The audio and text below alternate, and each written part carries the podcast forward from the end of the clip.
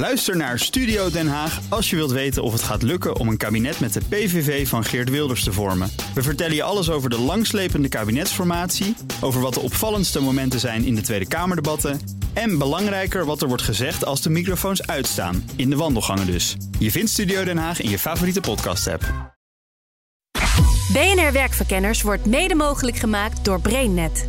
BrainNet voor zorgeloos en professioneel personeel inhuren. BNR Nieuwsradio. Werkverkenners.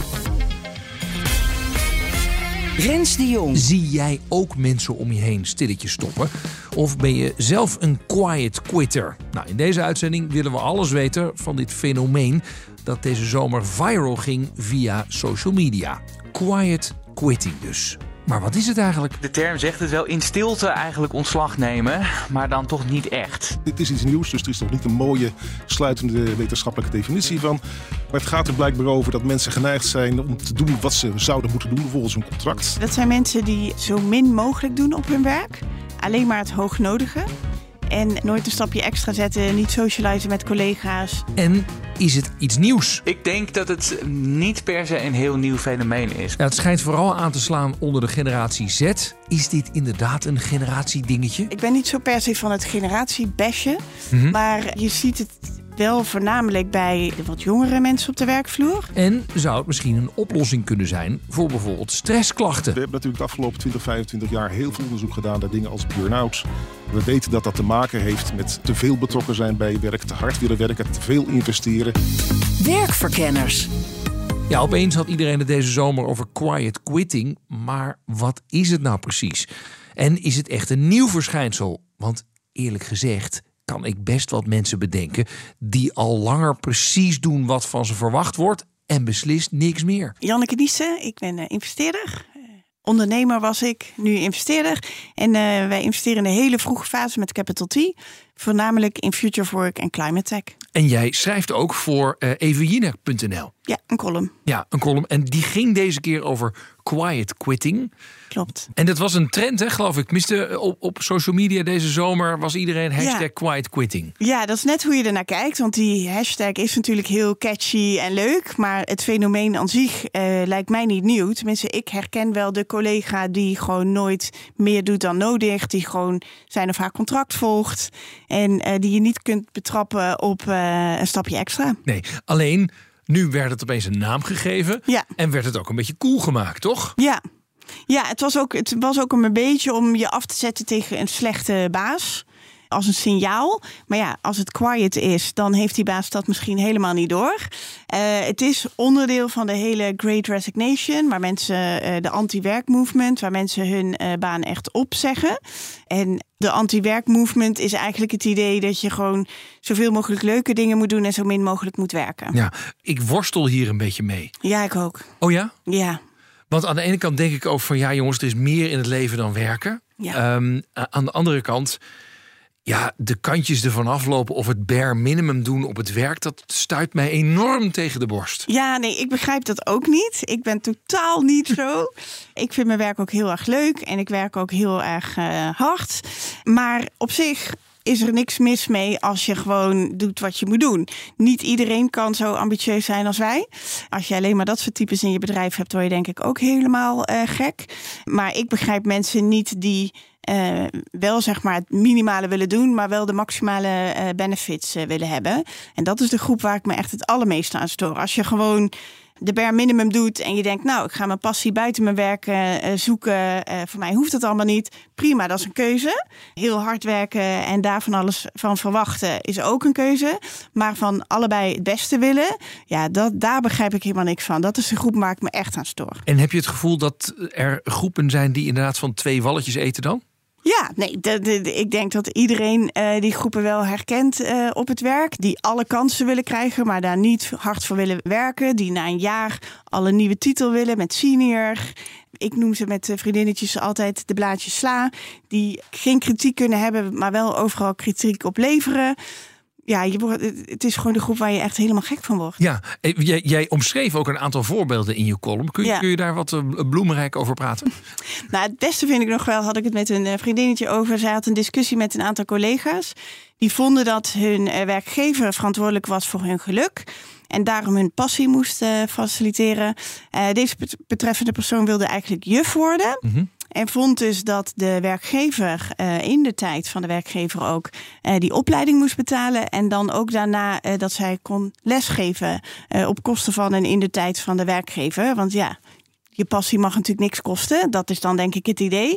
Maar ja, ik begrijp niet hoe mensen denken dat dit reëel is. Dat je dus onder tijd van de baas een totaal andere opleiding gaat doen en totaal ander werk, maar wel je hoge consultancy salaris kunt krijgen. Ja, Dan gaat het helemaal even mis. nee. En een, andere, een ander voorbeeld wat ik gaf, een collega die echt net deed of die een ehm, wereldreis achter de rug had, nadat hij eh, naar Groningen moest voor een lunchmeeting. Ja. Oh ja, en, en dus dan ja, de volgende dag thuis veel te werk om bij te komen. van de reis naar Groningen. Ja, nou, ik vind dat niet zo ver. En eh, ja, als het gewoon in werktijden is en het is gewoon een normale werkdag. Ja, ik begrijp het probleem niet zo. Ja. En jij zegt eigenlijk, prima als je zegt ik doe het bare minimum, maar verwacht dan ook helemaal niks. Nee. Maar ga nou niet het bare minimum doen en wel het maximale verwachten. Ja, En, en zie je dat inderdaad dan echt Ja. gebeuren? ja, dat vind ik echt best wel dat je dat veel ziet. Ja? En dat gaat gewoon niet. Er zijn degenen die echt wel dat stapje extra willen zetten. Die krijgen de promotie, die krijgen de leuke dingen. Als jij het minimum doet, is prima. Maar dan moet je ook het minimum verwachten. Mijn volgende gast viel op dat er vooral veel over wordt gepraat. Ik ben eh Thijs Launsbach, ik ben psycholoog. En ik hou me bezig met eh, allerlei zaken rond mentale gezondheid. En eh, vaker nog rond mentale gezondheid en werk. En dat doe ik in boeken die ik daarover schrijf en een column die ik daarvoor over heb in het Algemeen Dagblad. Ja. Quiet quitter, ben jij er zelf een of niet? Nee, ik ben geen eh, quiet quitter. Ik kan me nog wel herinneren dat ik in eh, mijn vroegste bijbaantjes nog wel eens baantjes had waarvan ik dacht. Waarom doe ik dit in vredesnaam? En ook niet echt gemotiveerd was om er alles uit te halen. Maar goed, dat was ook bijvoorbeeld folders rondbrengen voor 2,16 euro op industrieterreinen en zo. Kun jij het uitleggen wat quiet quitting is? Ja, dus wat ik ervan begrijp. ehm, en ik moet wel zeggen, er zijn nog geen grootschalige onderzoeken hiernaar. Er wordt vooral veel over gepraat. Maar is het, gaat het om het idee van eigenlijk dus het, het, het bare minimum doen op je werk. Ehm, dus je wel houden aan eh, net genoeg productie-eisen om er niet al te veel gezeik mee te krijgen. Maar ondertussen eigenlijk al mentaal zijn uitgecheckt. Ehm, dus die je niet meer inspannen om alles eruit te halen of de beste versie van jezelf te zijn op je werk. Ehm, of ontzettend eh, overuren te maken of eh, wel om tien uur s'nachts eh nog die mail van je baas beantwoorden. Maar gewoon echt het minimum doen om niet al te veel op te vallen. Ja. Waarom besluiten mensen dat te doen, denk jij? Nou, het heeft denk ik met een aantal dingen te maken. Het heeft te maken met het feit dat ik denk dat het een reactie is op ehm, de ongelofelijke productie-eisen tegenwoordig in zitten. Want dat moeten we niet vergeten, denk ik, dat we ook gewoon onze productie-eisen zijn gaan opschroe- eh, opschroeven. Hè, wat, we, wat we voor elkaar moeten krijgen. We moeten excelleren op ons werk. En eh, ons werk is ook steeds meer in onze persoonlijke levenssfeer gaan, gaan grijpen. Hè? Dus eh, het is heel normaal dat je buiten je werk ook de hele tijd beschikbaar bent voor je werk. Qua mails en, en, en appjes en berichten. Dus ik denk eigenlijk dat het daar een reactie op is. En ik denk ook dat het een reactie is op eh, wat ze noemen, hè, dus de, de, de komst van wat ze noemen de bullshit-banen. De banen die je wel doet, maar waarvan je eigenlijk denkt: waarom doe ik dit in vredesnaam? Heeft dit wel nut in de wereld? En we weten ook dat dat nogal demotiverend is. Dus ik denk eigenlijk dat het daar een reactie op is. Al, ja, weet je, er wordt nu heel erg geroepen dat dat on- ongelooflijk veel gebeurt. Maar volgens mij wordt er gewoon vooral heel veel over gepraat momenteel. Ja. En dus Ja. ik vraag me eigenlijk af hoe groot dit fenomeen eigenlijk echt is. Ja, ja. En misschien is het ook helemaal niet zo nieuw. Nee, maar wa- waar ik me wel eens over heb verbaasd in een van mijn boeken, is dat we twintig jaar geleden hadden we een woord voor mensen die werkverslaafd waren. Dat, dat noemen we toen workaholics. Nou, het idee van een workaholic, dat is een beetje uit onze taalgebruik weggegaan. Dat, dat woord gebruiken we eigenlijk niet, zo, niet zoveel. Niet omdat we minder werkverslaafd zijn geworden, zou mijn idee zijn.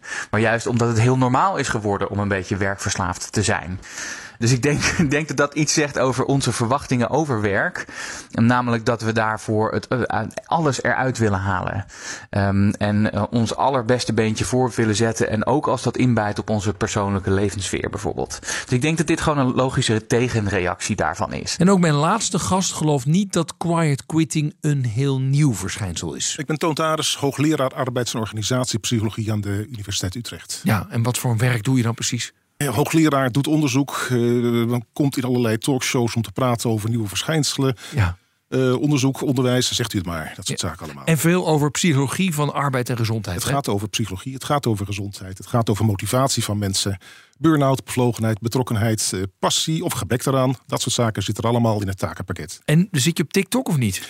Ik heb erover zitten nadenken, maar ik heb wat dansjes gezien. Ik dacht, nee, dat gaan we niet doen. Niks ja. voor mij. Uh, dat, dat ging viral, quiet quitting. Is het iets voor jou? je wordt geen hoogleraar als je een quiet Twitter bent. Dat, dat kunnen we constateren. Nee. Kun jij wel omschrijven wat het is volgens jou? Nou, wat het is volgens mij is een beetje lastig. Uh, van 9 tot 5 werken bijvoorbeeld. En als het vijf uur geweest is, dan gaat de laptop dicht en dan stop je ermee. Uh, je bent dus geneigd om niet meer te doen dan datgene wat je strikt genomen zou moeten doen. Dat verder gaat dan de afspraak die je met je werkgever hebt. Ja. Zie jij mensen dat al veel langer dan deze zomer doen of niet? Het is niet iets nieuws in de zin dat het, het begrip. Uh, het gaat eigenlijk over betrokken zijn bij je werk. Ja. Er zijn natuurlijk zat mensen die wat minder passie hebben voor hun werk, die wat minder bevlogen zijn. Mensen die precies genoeg doen. Er zijn ook mensen die misschien net wat minder doen. En dat zou je de quiet quitters kunnen noemen natuurlijk. Maar eigenlijk zeg je, het is niet iets nieuws onder de zon. We hebben er wel een mooi naampje op geplakt. Het, het, het naampje is erg wervend en erg spannend klinkt het. Ik heb het zelf wel eens uh, over de, de stille stoppers. Dat soort zaken al, het klinkt nog net iets mooier. Het alludeert ook nog, het is Nederlands. Dus, maar wat het nou precies betekent, het is wat lastig. En of het iets nieuws is, dat betwijfel ik eigenlijk. Ja. Er zijn inderdaad allerlei onderzoeken uh, over bevlogenheid op het werk. Ja. Kun jij daar eens iets meer over zeggen? Nou, bevlogenheid komt erop neer dat je geneigd bent om veel inspanning te leveren op je werk. Dat je geneigd bent om daar energie uit te krijgen in plaats van alleen maar te investeren. Dat je betrokken bent bij je werk. Dat je helemaal opgaat in dat werk. Je vergeet als het ware de tijd als je ermee bezig bent. Dat zijn die typische bevlogen werknemers. Ja. Er zijn mensen die daar hoog op scoren. En er zijn ook mensen die dus niet bevlogen zijn. En misschien niet zo betrokken zijn bij hun werk. Ik heb wel eens wat onderzoek gezien. Volgens mij was het van Gallup. Waarin werd geconstateerd iets van nou, boven de 80% van alle mensen die werkt zijn niet mega bevlogen. Het is maar, het is maar echt een handjevol mensen dat echt zo bevlogen is. Komt dat overeen met wat jij weet? We hebben zelf uh, dat ooit eens uit zitten rekenen op basis van de gegevens die we zelf verzameld hebben. En dan kwamen we tot een procent of 15, meen ik ook, 10 tot 15 procent. Die echt bevlogen zijn? Echt bevlogen zijn. En aan de andere kant van het spectrum heb je dus ook een 10, 15 procent van de mensen die dus echt niet bevlogen is. Straks de vraag of quiet quitten ook kan helpen tegen stress en een burn-out. Nou, kleine spoiler alert. Daar krijg ik niet van alle drie een volmondig ja op te horen. Ik denk alleen als jij ongelukkig bent in je werk, de werkomstandigheden zijn gewoon niet prettig voor jou, dan denk ik niet dat het heel veel uitmaakt of je 50 of 30 uur werkt. Rens de Jong. Maar eerst maar eens even kijken of dit nou zo'n generatieding is. Want onder die naam Quiet Quitting lijkt het minimale doen vooral aan te slaan onder de generatie Z. Ik denk niet per se dat het een generatie Z-ding is. Want als je kijkt, nou ja, het hangt een beetje vanaf waar je die, waar je die uh, grenzen legt natuurlijk. Hè. Maar in, de gangbare uh, terminologie heb je het dan over mensen die uh, na 2000 zijn geboren. Dus die zijn nu 22 of jonger. Lijkt mij sterk dat die en masse vastzitten in een baan al hele lange tijd. Um, waar ze liever niet in willen zitten. Dus ik denk meer dat als je het dan over generaties hebt, dat het meer een millennial ding zou kunnen zijn. En dat heeft natuurlijk ook wel te maken met de leeftijd waarin zij zitten. Hè? Dus die, die zitten natuurlijk in de leeftijd van 40 min, zeg maar. In de leeftijd waarin er nog veel aan verandering onderhevig is. Waarin je nog vaak aan het begin van je carrière onderaan de ladder begint in saaie banen. Waarin er ook veel in je persoonlijk leven gebeurt. Dat ook weer invloed heeft op je werkbestaan. Uh, dus ik kan me voorstellen dat dat meer bij hen nog speelt dan bij de generaties die al wat senior posities hebben verworven. Ja. Dus ik denk dat dat wel logisch is. Dat het ook gewoon heel veel te maken heeft met, de, met hun carrière. Ja. Het is overigens wel zo dat je in, in, bij deze generatie ook wel een tegenbeweging ziet tegen de gangbare werknormen die eigenlijk niet echt meer kloppen. He, dus je ziet het bijvoorbeeld in de advocatuur, maar je ziet het ook bijvoorbeeld bij medisch specialisten, dat die zeggen: ja, leuk jongens dat jullie uh, gewend zijn om 80 uur per week te werken. Maar dat past niet meer bij ons. Uh, dus wij gaan gewoon normale werktijden hanteren. Heel revolutionair idee. Maar we willen ook nog wel iets anders in ons leven dan alleen werk. Dus dat idee dat werk altijd maar alleen maar voorgaat, dat gaat voor ons niet meer op. Nee. Er wordt nog veel gemopperd over millennials en generatie Z. Ik denk dat mensen wel eens vergeten dat toen de vorige generaties jong waren, kon je nog redelijk goed op één voltijds salaris of één meer dan voltijds salaris een gezin onderhouden. Nu heb je er twee voor nodig. Dus het idee dat niet allebei de partners 40, 50, 60 uur per week gaan werken is redelijk logisch, zou ik dan zeggen. Organisatiepsycholoog Toon Taris keek of er generatieverschillen zijn als het gaat om bevlogenheid. Er is geen echt onderzoek gedaan naar dat quiet quitting. Hè? Maar er is wel onderzoek gedaan naar bevlogenheid en betrokkenheid en dat soort zaken allemaal. Dat is in feite een variant op hetzelfde verschijnsel. Ik heb wat cijfers bekeken, speciaal voor deze uitzending. En daar kwam inderdaad uit dat het dus niet de jongeren waren die niet betrokken waren bij het hele gebeuren. Het waren vooral de wat oudere mensen. En dan heb je het over de generatie 50, 55 plus. Dat is ergens ook wel logisch, want dat zijn de mensen die denken aan de VUT, die denken aan het pensioen, die hebben niet zo lang meer te gaan. Als ze hard werken is dat hartstikke mooi natuurlijk. Maar ze gaan er geen prachtige carrière mee meer verdienen. Dat is over in principe, dus die kijken naar de eindstreep. De jongeren daarentegen, die hebben wel degelijk wat te verdienen nog. Die hebben een carrière voor zich. Uh, die hebben nog de hypotheek gaan afsluiten voor het huis dat ze zouden willen hebben. Dus het is ook helemaal niet logisch om te bedenken dat het vooral die, die jongeren zouden zijn die gaan stoppen met werken. Die quiet quitters zijn. Dus jij zegt echt, het, het, helpt niet om dit een generatieding te maken. Nee, en ik moest er zo om lachen. Ik heb me dit voorbereid op dit gesprek. En ik heb het op Wikipedia nagekeken. Die generatie Z die staat ook wel bekend eh, als de, de, de pretparkgeneratie, de pampergeneratie, eh, de patatgeneratie of de beeldschermgeneratie, omdat ze altijd met die beeldschermpjes bezig zijn. Ik, ik vroeg me af, wat, wat hebben wij semi-babyboomers toch tegen die generatie? Dat ze, dat ze steeds met een hoekje zetten, zeg maar. Ja. Ik, ik vind dat lastig. En bovendien, als je mensen wegzet als zijn de quiet quitters, dan gaan ze echt niet harder voor jou werken. Hoor. Nee. Het is niet motiverend om dat te horen. Dus moeten we hier, we moeten het niet een generatie-ding maken? Het, het, grote probleem van generaties is dat het heel logisch klinkt. Het generatie gaat er een beetje over dat mensen opgegroeid zijn een bepaald tijdsgevricht, bepaalde ervaringen hebben meegekregen. Op basis daarvan altijd zijn gaan denken over bepaalde zaken. Als jij kijkt naar uh, hoe zich dat ontvouwt over de tijd, hoe mensen zich ontwikkelen als ze wat ouder worden, dan zie je bij al die generaties een vergelijkbaar patroon. Het verhaal was altijd van jongeren, millennials en dergelijke, die vinden flexibiliteit belangrijk, die hoeven geen vaste baan bijvoorbeeld. Op het moment dat ze 30 zijn en die het huis willen hebben, die hypotheek, dan willen ze wel een vaste baan. Dan hebben ze, net als hun ouders en de, de generaties voor hen, gewoon behoefte aan zekerheid en niks flexibiliteit meer. Het verandert vanzelf weer. Je ziet dat eigenlijk niet meer terug. Dus je hebt het veel meer eigenlijk over leeftijd dan over generaties wat jou betreft. Mensen verschillen qua leeftijd en qua attitudes. Dat is logisch. Ik bedoel, ik doe niet aan TikTok, ik doe aan YouTube en ja, daarboven kijk ik gewoon televisie. Maar eh, generaties na mij, jongere generaties dus, die hebben dus wel het hele TikTok gebeuren meegekregen. Ik vind dat leuk. Nou, dat is prima allemaal. Ja. Maar daar groeien ze wel weer overheen. Investeerder Janneke Niese hoorde je eerder al zeggen dat zij in de praktijk quiet quitting wel veel meer bij jongere mensen ziet. Ik begrijp ook wel hè, als je zegt van uh, er zijn ook dingen buiten werk die ik belangrijk vind en mijn passie. Het is meer echt die combinatie van die twee wensen hebben, ja, die gewoon naar mijn idee niet reëel zijn. Die groep die wel die bare minimum doet, maar dan vervolgens wel verwacht snel promotie te kunnen maken, uitdagende uh, werkzaamheden te krijgen die bij een hele andere functie en hele andere werkhoudingen passen. Kijk, ik ben ook niet van de hustle zeg maar. Dat het heel cool is om oneindige uren te maken en helemaal kapot te zijn uh, van je werk. Hoe noemde je dat nou? Hustle Hustle Ja, dat is een bekende. Oh, deze trend heb ik weer even. dat is heel bekend in de start-up wereld, waar, waarbij het zeg maar extreem hard werken wordt uh, verheerlijkt. En uh, ik denk dat iedere start-up founder dat herkent dat je dat in het begin uh, moet doen. Heel hard werken, maar dat het uiteindelijk voor niemand gezond is om dat over te veel jaren te moeten doen. Uiteindelijk ja. moet je gewoon zorgen dat je mensen aanneemt die ook een deel gaan doen. Dus ik ben echt niet van uh, die categorie. Maar een beetje realisme in wat er nodig is om een bedrijf uh, draaiende te houden. En wat er nodig is bij bepaalde functies en wat er van, van je wordt verwacht. Vind ik wel uh, heel goed. Ja, is het misschien zo dat er een generatie is ontstaan die gewoon niet helemaal weet. Oh ja, er is zeg maar het contract. En als je wil verder komen, is er nog een soort met van onzichtbaar contract. Wat we eigenlijk wel van elkaar verwachten, maar wat we nooit hebben opgeschreven. Of zeg je van ja, dat hoor je gewoon wel echt wel te weten. Nou, ik denk dat als je denkt dat je mensen dat niet weten, dat je daar gewoon je eerlijk over moet uitspreken van wat je van elkaar verwacht. Ik denk dat dat de basis uh, is. Dus nee, ik denk niet Nee? dat, dat, er, dat dat het per se het probleem eh, is. Ik denk wel dat mensen, eh daar heb ik toevallig ook een keer een column over geschreven, soms te veel van hun werk verwachten. Hè, mensen die zeggen van mijn werk moet mijn passie zijn. Nou, en dat denk ik dus helemaal niet. Oh. Want heel vaak kun je met je passie helemaal je geld niet eh, verdienen.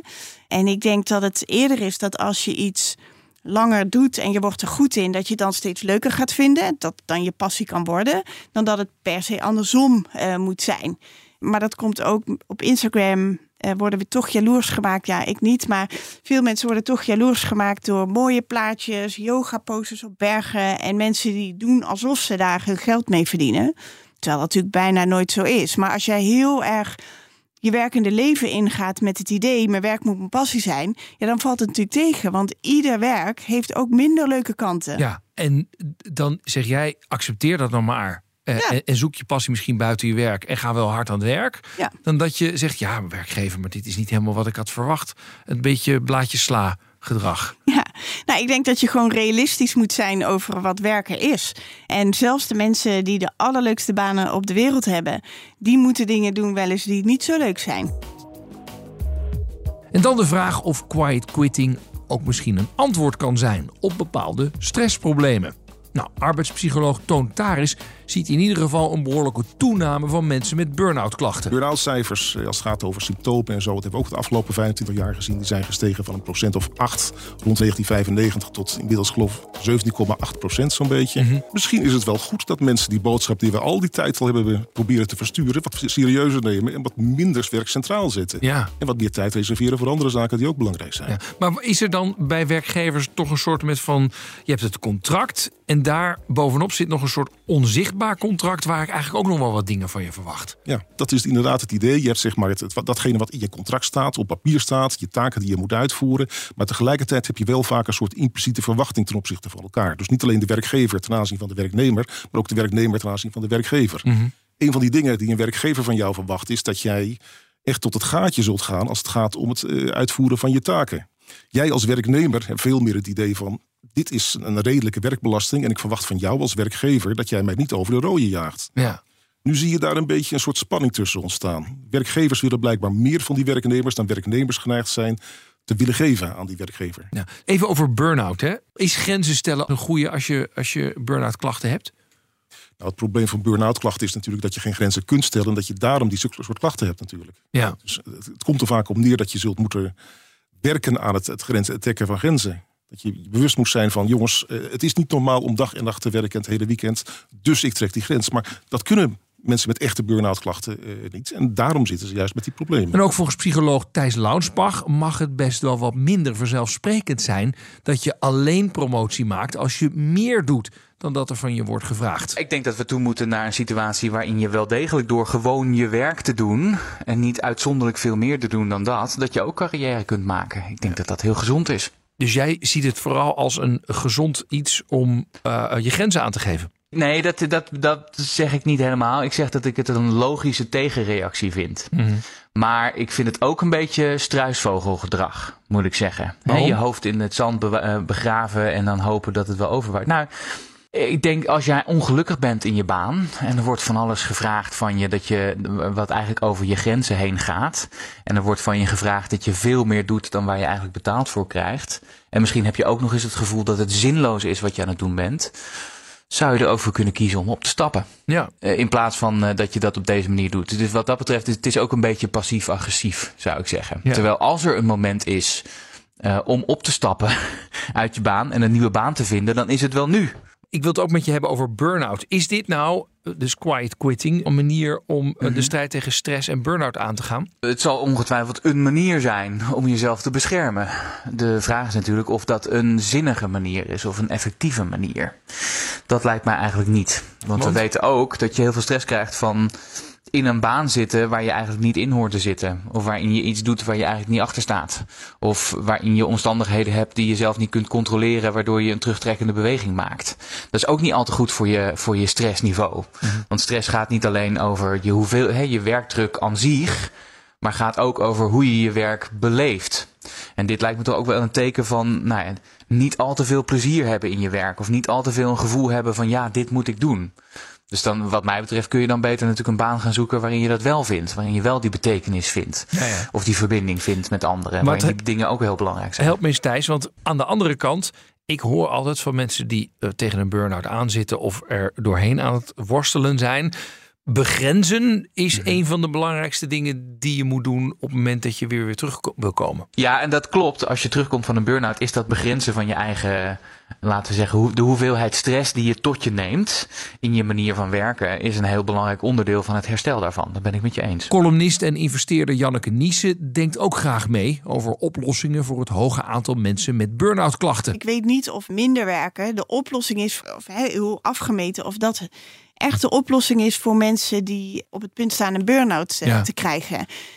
Want Ja. ik denk dat dat ook is dat je moeilijk je, je grenzen aan kunt geven. Dus als je dat dan wel doet, dat je daar misschien ook weer stress van krijgt. En nou, dat gewoon de match misschien niet zo goed is met, met dat werk. Er zijn misschien hele extreme gevallen. Hè? Als je echt, nou, als er van jou verwacht wordt dat je 80 uur eh, werkt, ja, dan gaat 40 uur natuurlijk enorm helpen. Maar dan is wel de vraag: is dat wel de juiste plek voor jou? Want als de verwachtingen zo uiteenlopen met wat reëel is, ja, dan is dat misschien sowieso niet de juiste plek. Dus ik vraag me af of quiet quitting echt de oplossing is voor het voorkomen van een eh, burn-out. Omdat je zegt van, klaarblijkelijk past de baan echt niet bij je. Of je nou 40 of 30 uur gaat Nou, ik denk dat je een burn-out krijgt als iets echt niet bij je past. Ja. En niet zozeer eh, of je nou een paar uur meer of minder maakt. Mhm, ja. Aan de andere kant zeggen ze wel bij burn-out... begin nou met je grenzen aan te geven. Ja. Want het is elke keer vooral dat het over die grens heen gaat... dat kost veel energie. Ja, daar ben ik het ook wel echt eh, mee eens. Maar ik denk dat dat alleen niet de oplossing is. Ja. En, je, en je zou bang zijn als, als we dat als oplossing gaan aandragen... dat er heel veel mensen heel afgemeten... maar heel ongelukkig op hun werk zitten. Ja, ik denk dat je, eh, als je echt eh, ongelukkig op je werk bent, dat je je moet afvragen: moet ik niet een, een eh, andere baan zoeken? En zeker nu er zulke tekorten zijn, kun je waarschijnlijk ergens anders een baan vinden waar je veel gelukkiger bent en waar je veel beter past. Nou, conclusie van deze uitzending. Nadenken over je ideale werk-privé-balans. Daar is helemaal niets mis mee. En als dat betekent dat je niet meer doet dan er volgens je contract van je wordt verwacht, dan kan dat ook heel gezond zijn. Kanttekening van de ondernemer is wel dat als je baas niet meer van je moet verwachten dan wat is afgesproken, je zelf ook niet meer moet verwachten van je baas. Nou, en over de vraag of dit nou een generatieding is, blijven de meningen wat verdeeld. Kijk je naar bevlogenheid bijvoorbeeld, dan is die vaak eerder wat minder bij de oudere medewerker. Maar de jongere generaties lijken juist wat bewuster bezig te zijn met de werk-privé-balans. En de hoge burn-out cijfers laten zien dat het in het algemeen wel goed is om als werkgever en als werknemer samen beter te letten op wat een goede belasting is. Maar vraag ik mijn gasten of quiet quitting ook een antwoord is op de burn-out, dan lijkt dat weer niet de oplossing. Grenzen aangeven lukt iemand met een burn-out juist niet. En een burn-out duidt vaak ook op een slechte match tussen jou en de baan. Dus luidt dan het advies: zoek vooral een andere baan. En als daar ooit een ideaal moment voor is, dan is het nu wel. Nou, go for it zou ik zo zeggen.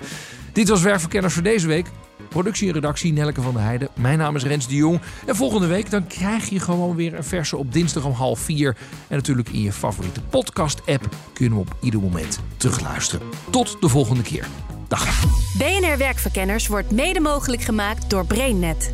BrainNet voor zorgeloos en professioneel personeel inhuren. Bij BNR ben je altijd als eerste op de hoogte van het laatste nieuws. Luister dagelijks live via internet. Bas van Werven. En heel langzaam komt de zon op rond dit tijdstip. Je krijgt inzicht in de dag die komt op BNR, het Binnenhof in Nederland en de rest van de wereld. De Ochtendspits. Voor de beste start van je werkdag. Blijf scherp en mis niets.